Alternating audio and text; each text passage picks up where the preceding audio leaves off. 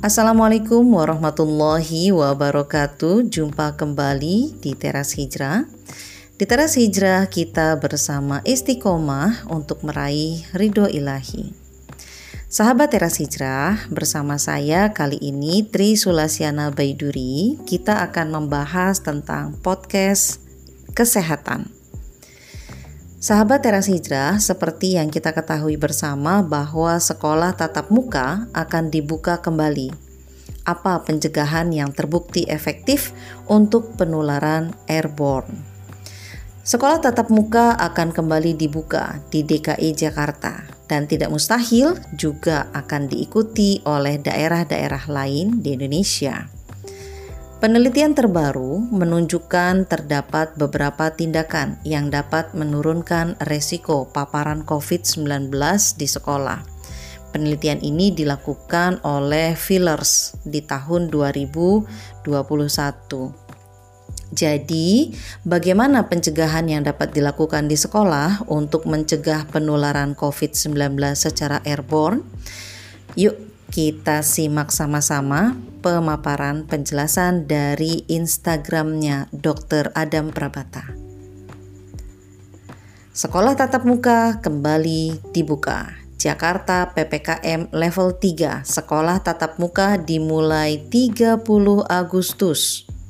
Sekolah tatap muka akan kembali dibuka di DKI Jakarta dan tidak mustahil sebentar lagi juga akan diikuti oleh daerah-daerah lain di Indonesia. Bagaimana? Apa yang harus dilakukan? Pertama, membuka jendela di ruangan sekolah sepanjang hari.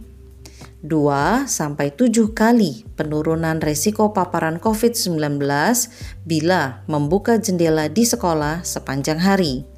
Semakin banyak jendela yang dibuka, maka penurunan resiko paparan COVID-19 semakin baik. Yang berikutnya, menggunakan air purifier dengan HEPA filter di ruangan sekolah.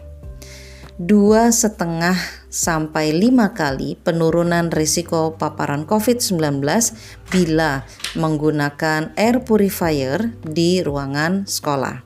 Semakin besar air changes per hour atau ACH, perputaran udara de setiap jamnya, maka akan semakin baik kemampuan penurunan risiko paparan COVID-19. Yang berikutnya, dan ini menjadi hal yang sangat penting, yaitu menggunakan masker selama di sekolah. 8 kali penurunan risiko paparan COVID-19 bila menggunakan masker bedah atau masker medis selama di sekolah. Jangan menggunakan masker kain ya. Kombinasi membuka jendela, air purifier dengan HEPA filter dan menggunakan masker hingga 30 kali penurunan risiko paparan COVID-19 bila melakukan kombinasi membuka jendela, menggunakan air menggunakan air purifier dengan HEPA filter dan menggunakan masker. Apakah tetap perlu melakukan metode pencegahan lainnya di sekolah? Oh ya, tetap perlu. Metode pencegahan dan penanggulangan COVID-19 lainnya tetap perlu dilakukan oleh semua warga sekolah bila memungkinkan. Antara lain, menjaga jarak, ini masih penting. Mencuci tangan, ini juga perlu diperhatikan. Vaksinasi COVID-19 ini harusnya menjadi syarat utama bagi yang melakukan tatap muka testing dan tracing. Jika sudah jaga jarak, sudah cuci tangan, sudah vaksinasi COVID-19, ternyata masih ada yang terkena virus COVID-19, maka testing dan tracing menjadi urgent untuk dilakukan di sekolah yang sudah tatap muka. Kesimpulannya, Beberapa metode pencegahan yang sudah terbukti bisa menurunkan resiko paparan COVID-19 secara airborne antara lain satu, membuka jendela ruangan sekolah sepanjang hari. Dua, menggunakan air purifier dengan HEPA filter.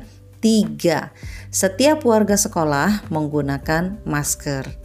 Metode pencegahan lainnya seperti jarak, cuci tangan, dan lain dan yang lain-lainnya tetap perlu dilakukan oleh semua warga sekolah.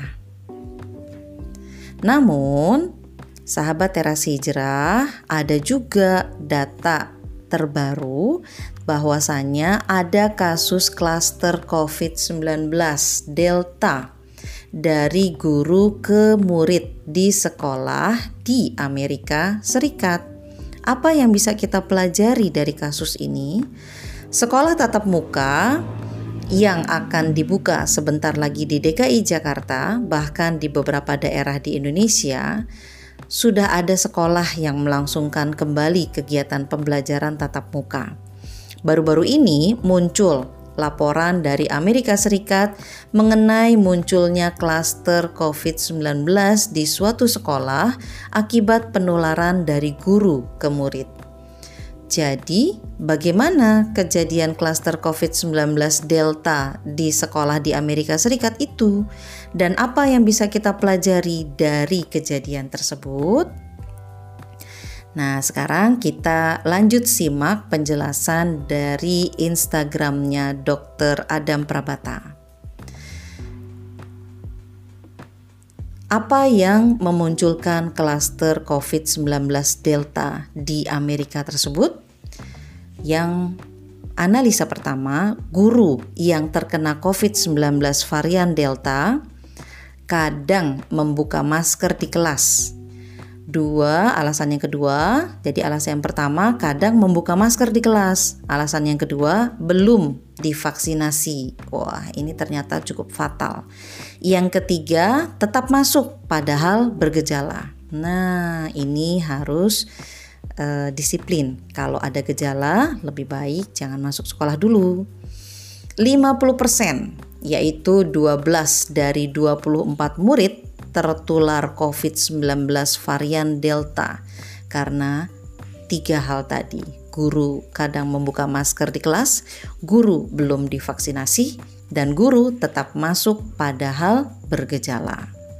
Klaster COVID-19 meluas hingga ke keluarga siswa.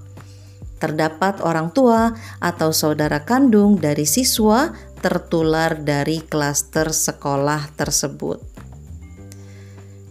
wajib menggunakan masker.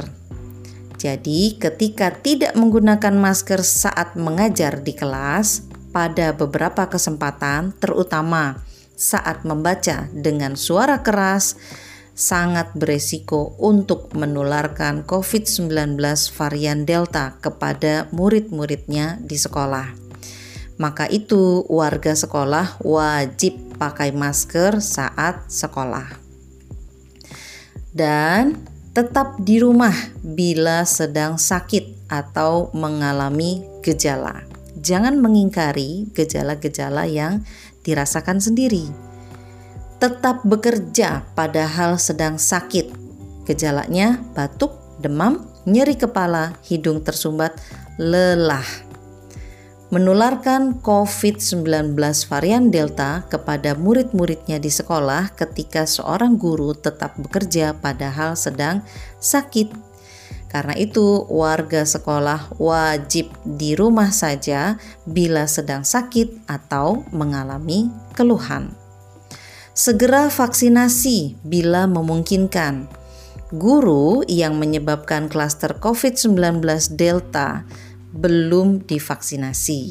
Ini kejadian di Amerika. Resiko penularan COVID-19 termasuk di sekolah meningkat pada orang yang belum divaksinasi. Karena itu sangat penting. Jadi kita perlu memperhatikan hal ini tentang pentingnya memastikan protokol kesehatan dipatuhi oleh seluruh warga sekolah. Guru yang menularkan COVID-19 varian Delta di Amerika tidak menggunakan masker di beberapa kesempatan di kelas. Padahal peraturan sekolah mewajibkan penggunaan masker. Protokol kesehatan perlu dipatuhi secara menyeluruh tanpa kecuali. Jadi, seluruh warga sekolah harus patuh terhadap protokol kesehatan tanpa terkecuali.